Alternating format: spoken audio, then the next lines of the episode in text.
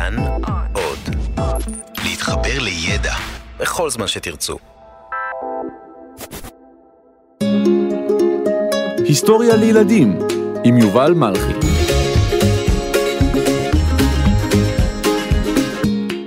המכונה של גוטנברג.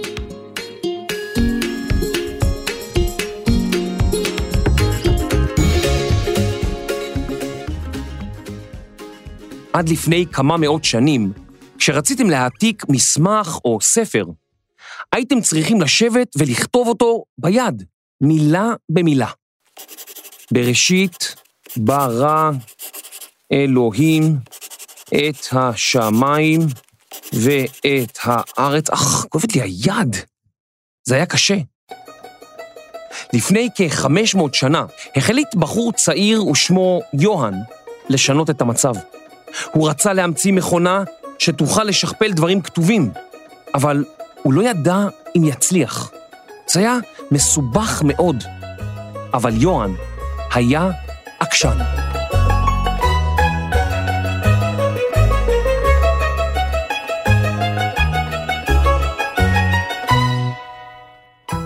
כתב החל להתפתח לפני עשרות אלפי שנים, מציורים לסימנים ולאותיות. בתחילה הטביעו את האותיות על משטחי טיט. טיט הוא חומר בנייה בעל מרקם בוצי, המתקשה כשהוא מתייבש. בטח שמעתם את המילה טיט כשדיברו איתכם על אבותינו במצרים, שהשתמשו בו להדביק לבני בניין אחד לשני. בתחילה האותיות דמו לציורים או תמונות, ואט אט הפכו לסימנים שכל אחד מהם מציין רק צליל אחד, כפי שאנו מכירים כיום. ללוח שבו הטביעו את הסימנים קוראים באנגלית clay tablet, כלומר לוח מחימר, או חומר, כפי שיש לומר. חומר באנגלית clay ולוח טאבלט. כתיבה או פיסול אותיות וצורות בחומר דרשו מאמץ רב, ולכן חיפשו חומר אחר לכתוב עליו. השלב הבא היה נייר פפירוס, שהוכן מגומה, מין צמח שהיה נפוץ או רווח במצרים.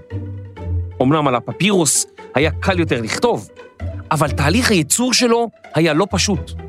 ובעוד באוויר החם והיבש של מצרים הפפירוס השתמר נהדר, כשהפפירוסים הובאו לאירופה הלכה, הם פשוט נרקבו. בשלב מסוים החלו להשתמש בקלף, כלומר באור בהמה, בדרך כלל כבש, פרה או חמור. השימוש בקלף היה יעיל, מכיוון שאם טעו, היה אפשר למחוק ממנו אותיות ומילים. אבל גם תהליך ההכנה של הקלף היה מסובך. לכתיבת ספר אחד היה צריך לעתים מאות אורות של חיות. כתיבת כל ספר ארכה זמן רב. את התנ"ך, למשל, העתיקו בממוצע במשך 15 חודשים. שלום, יש ספר חדש של חרי שמוטר? בטח, נעתיק לך אותו. תבוא בעוד אה, שנה, שנתיים. מה, מה בעוד שנה, שנתיים? מה, אה, הלו, מה, הלו, הלו? היו עוד כמה בעיות הקשורות לספרים. באירופה בדרך כלל נזירים הם שהעתיקו את הספרים. אם נכתב בספר רעיון שהנזירים לא הסכימו איתו, או שלא היה מקובל על הכנסייה הקתולית, המוסד הדתי ששלט אז באירופה, הם פשוט לא הסכימו לכתוב אותו בספר. כך למעשה, הכנסייה שלטה גם בידע של האנשים. בסביבות המאה ה-13 הייתה אופנה של עשירי אירופה להתהדר בקניית ספרים, לספריות הביתיות שלהם. מכיוון שהפקת ספר הייתה מסובכת כל כך, היו מעט ספרים, ומשום כך גם כל ספר עלה הון. היה כמעט בלתי אפשרי לקנות ספר אם היית אדם פשוט. זאת גם אחת הסיבות שמעט מאוד אנשים באירופה ידעו קרוא וכתוב. וואו, תראה מה כתוב כאן. מה כתוב? אני לא יודע, אני לא יודע לקרוא. אה, גם אני לא, גם אני לא, לא יודע לקרוא. גם אני לא יודעת יודעת לקרוא. גם אני לא יודע לקרוא. גם אני לא יודע לקרוא. גם אני לא יודע לקרוא.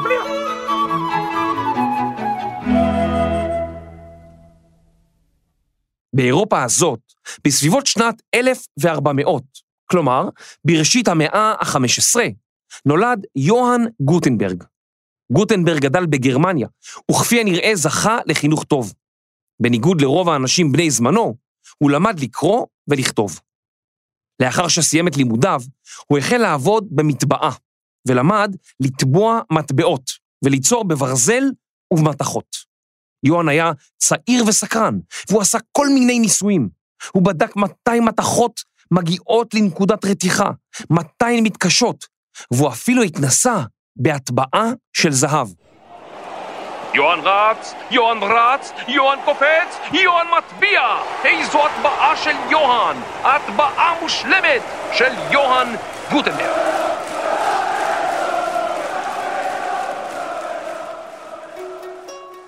בסביבות שנת 1428, יוהאן בן ה-30 בערך, עבר מעיר לעיר, ולבסוף השתקע בעיר שטרסבורג, בצרפת של ימינו. ליוהאן היה רעיון, הוא רצה להמציא מכונה שתטביע על נייר צורות, כפי שהוא הטביע על מטבעות. הוא שכר בניין נטוש בפאתי העיר, והחל לעבוד על ההמצאה הסודית שלו. בינתיים, גוטנברג פגש נערה צעירה. הוא רצה להתחתן איתה, אבל בסוף התחרט. המשפחה של הנערה תבעה אותו, והוא נאלץ לשלם קנס כספי כבד. אחרי ששילם את הקנס, הוא חזר לעבוד על ההמצאה שלו. הארנק שלו היה כמעט ריק. בעוד גוטנברג עובד על המצאתו, עלה במוחו רעיון מבריק נוסף. לא הרחק משטרסבורג, שכנה העיר אכן, שהייתה בה קתדרלה מפורסמת. קתדרלה היא כנסייה נוצרית מפוארת מאוד, שיש בה איש דת נוצרי בכיר. פעם בשנה עלו אל הקתדרלה עולי רגל רבים. בכנסייה היו חפצי קודש, ומאמינים שעלו לרגל האמינו שאם החפצים הקדושים ישתקפו במראה, המראה תהפוך לקמע. לכן, גוטנברג השקיע את מיטב כספו בייצור של אלפי מראות ממתכת מבריקה, כדי למכור אותן. אבל אז פרצה מגפת דבר באזור, והקתדרלה ביטלה את העלייה לרגל באותה שנה. גוטנברג נשאר תקוע עם אלפי מראות. הוא נכנס לעוד חובות כספיים, ועד מהרה עזב את האזור. אבל הוא לא התייאש. הוא חזר לעיירת הולדתו מיינץ, מצא משקיעים וחזר לעבוד על המצאתו הראשונה, לשיפור השכפול. המשקיעים שהלוו לו כסף, ישבו וחיכו בסבלנות.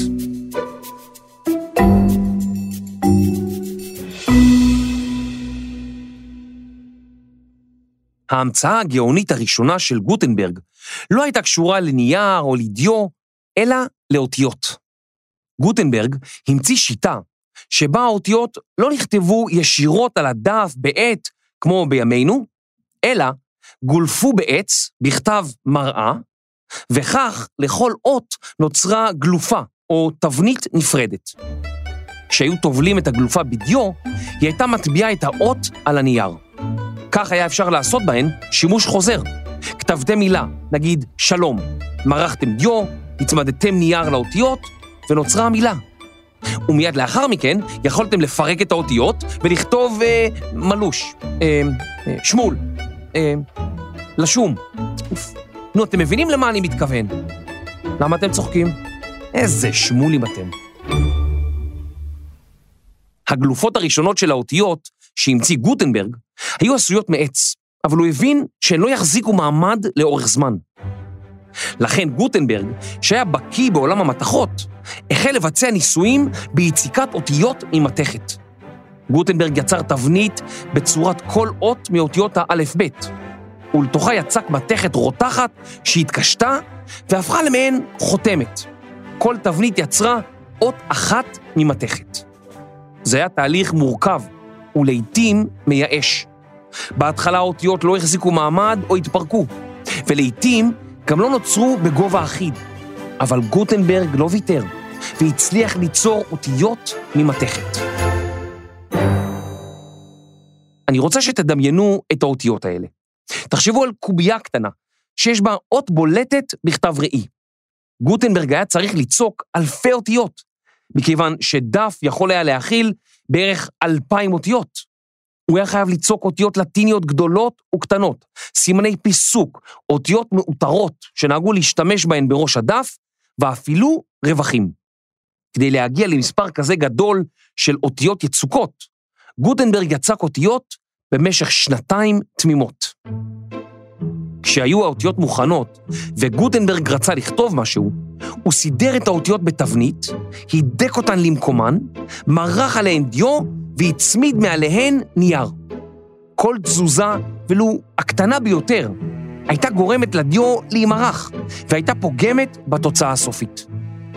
גוטנברג הבין שהדיו של אותם ימים לא התאימה להמצאה שלו. הדיו הייתה על בסיס מים, ולכן הייתה נוזלית, ולא נצמדה לאותיות המתכת. בואו בוא ננסה רגע ביחד את הדיו הזה. וואו, הדיו הזה, הנה, ממש נוזלי. אני אנסה לכתוב משהו איתו. טוב, אני, אתם יודעים מה, אני אמרח את הדיו הזה על אותיות המתכת, הבאתי איתי כמה אותיות, הנה אני מורח. רגע, צריך הכל נוזל, עושים פה הדיו, רגע, צריך נוזל עליי דיו, למה זה נוזל ככה? למישהו יש טישו? הלו, טישו, מגבונים, תביאו מהר, מגבונים, זה נוזל, נו. דרך אגב, אולי אתם תוהים אם דיו הוא או היא זכר או נקבה. בעבר היו כאלה כמו אליעזר בן יהודה, שחשבו שדיו הוא גם זכר וגם נקבה. אך האקדמיה ללשון העברית קבעה את דיו בלשון נקבה. גוטנברג ערך ניסויים רבים עד שהצליח ליצור דיו שהתאימה לעבודה עם אותיות המתכת. זאת הייתה דיו שעורבבה עם עופרת, טיטניום, גופרית, פיח ושמן פשטן. אבל כיצד מניחים נייר על האותיות המסודרות, שכבר נמרחה עליהן דיו בלי שהנייר יזוז? הנייר היה צריך להיות מוצמד לאותיות בלחץ שווה לאורכו ולרוחבו, והיה צריך לעשות זאת במהירות ובדייקנות. לגוטנברג לא היה פתרון לבעיה הזאת של תזוזת הנייר. הוא לא ידע מה לעשות, והוא היה עובד עצות.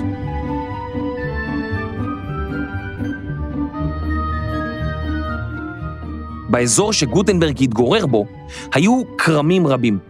אחד האמצעים שבהם השתמשו כדי לסחוט את הענבים בתהליך ייצור היין, היה מכונת כבישה. המכונה הזאת הייתה למעשה מנוף עץ בעל זרוע, שברגע שמשכו את הזרוע כלפי מטה, היא סובבה בורג עץ גדול והוא מחץ את הענבים. הלחיצה על זרוע המנוף הייתה מסובבת את הבורג באיטיות ובחוזקה. גוטנברג שאל את רעיון זרוע המנוף מקורמי היין, ובנה מכבש דומה שביצע את אותה פעולה על הנייר. עם הורדת הזרוע, המכבש שהמציא גוטנברג, הנייר היה נצמד לאותיות בבת אחת, בלחץ אחיד לאורכו ולרוחבו, וכמה שניות אחר כך הייתה הזרוע עולה במהירות למעלה. למכונה הזאת קראו ברבות הימים מכונת הדפוס הראשונה. מכונת הדפוס הזאת נראתה כמו שולחן ארוך שבורג ענק תלוי מעליו. על השולחן הייתה מקובעת תבנית לסידור האותיות, וכאשר הזרוע ירדה, לוח בגודל זהה נלחץ אל האותיות. באנגלית קוראים לעיתונות פרס, ובעברית אנחנו מכירים את הביטוי מכבש הדפוס, בדיוק על שם השיטה של מכונת הדפוס הזאת, שהפעילה לחץ על האותיות באמצעות מכבש. אחרי שהמכונה פעלה היטב, גוטנברג החל להדפיס ספרים. הדבר הראשון שהדפיס היה ספר ללימוד דקדוק, ואחר כך לוח שנה. כשראה שהתוצאות טובות, הוא החל להדפיס את התנ"ך הנוצרי, שכולל את הברית הישנה, התנ"ך שלנו, וגם את הברית החדשה. בתנ"ך של גוטנברג היו כאלף עמודים. אלף. העסק של גוטנברג הפך לבית דפוס, שהיו בו עובדים רבים. הם רצו מצד לצד במרץ, בהמולה הם תלו דפים לייבוש, ערבבו דיו, החליפו חלקים במכונת הדפוס וסידרו בכל פעם מחדש את אותיות המתכת. במשך שלוש שנים ייצרו גוטנברג ועובדיו כ-180 עותקים של ספר התנ"ך הנוצרי. הם גם הוסיפו לספרים איורים צבעוניים כדי שיהיו מושכים לעין. גוטנברג היה דקדקן, וכל דף שלא נראה לו נזרק מיד לפח. ההוצאות החלו להרקיע שחקים, ובינתיים לא היו לו הכנסות. הוא נאלץ לקחת שותפים לעסק, שהשקיעו כסף. למרות הכל, ארך זמן רב עד שסיים גוטנברג להדפיס את עודקי התנ"ך, והדבר הכעיס מאוד את המשקיעים שלו. הם תבעו אותו למשפט וזכו. לגוטנברג לא היה איך להחזיר להם את הכסף שהשקיעו, והוא נאלץ למכור את בית הדפוס ואת המכונות. גוטנברג הפך עני. הוא זכה לחסות הארכיבישוף של מיינץ ולקצבה שנתית. שלוש שנים אחר כך הלך לעולמו שבור לב. עד מהרה, המכונה של גוטנברג הביאה לשינויים אדירים בעולם המערבי. היא הועתקה ושוכללה, ובתי דפוס החלו צצים באירופה כמו פטריות אחרי הגשם, כמו מלפפונים אחרי החורף, כמו עוגות שאתה בדיאטה. כמה שנים לאחר שגוטנברג המציא את המכונה שלו, דפסים הדפיסו מיליוני ספרים בכל רחבי אירופה. ההתפתחות הזאת הביאה לירידה דרמטית במחירם של ספרים חדשים. המון אנשים החלו ללמוד לקרוא, להבין, לכתוב, ועד מהרה ידע חדש החל לזרום בין אנשי אירופה במהירות. הדבר הוביל לרעיונות חדשים ולמהפכה שלמה של ידע באירופה. לגוטנברג לא היה מושג כמה גדולה תהיה השפעתה של מכונת הדפוס המדהימה שיצר. עד היום היא נחשבת על ידי רבים להמצאה הגדולה ביותר בכל הזמנים. והכל בזכות אדם אחד שהיה נחוש ולא הסכים להתייאש.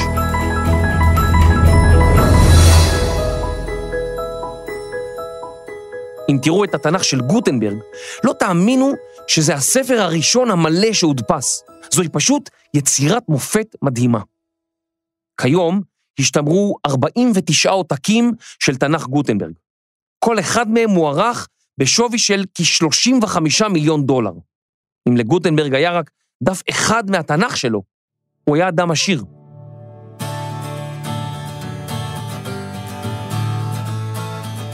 טוב, אז עכשיו אני צריך להדפיס 100 עותקים של הפרק הזה. בואו נראה. הדפס 100 עותקים. זהו. יאללה, כמה שזה פשוט.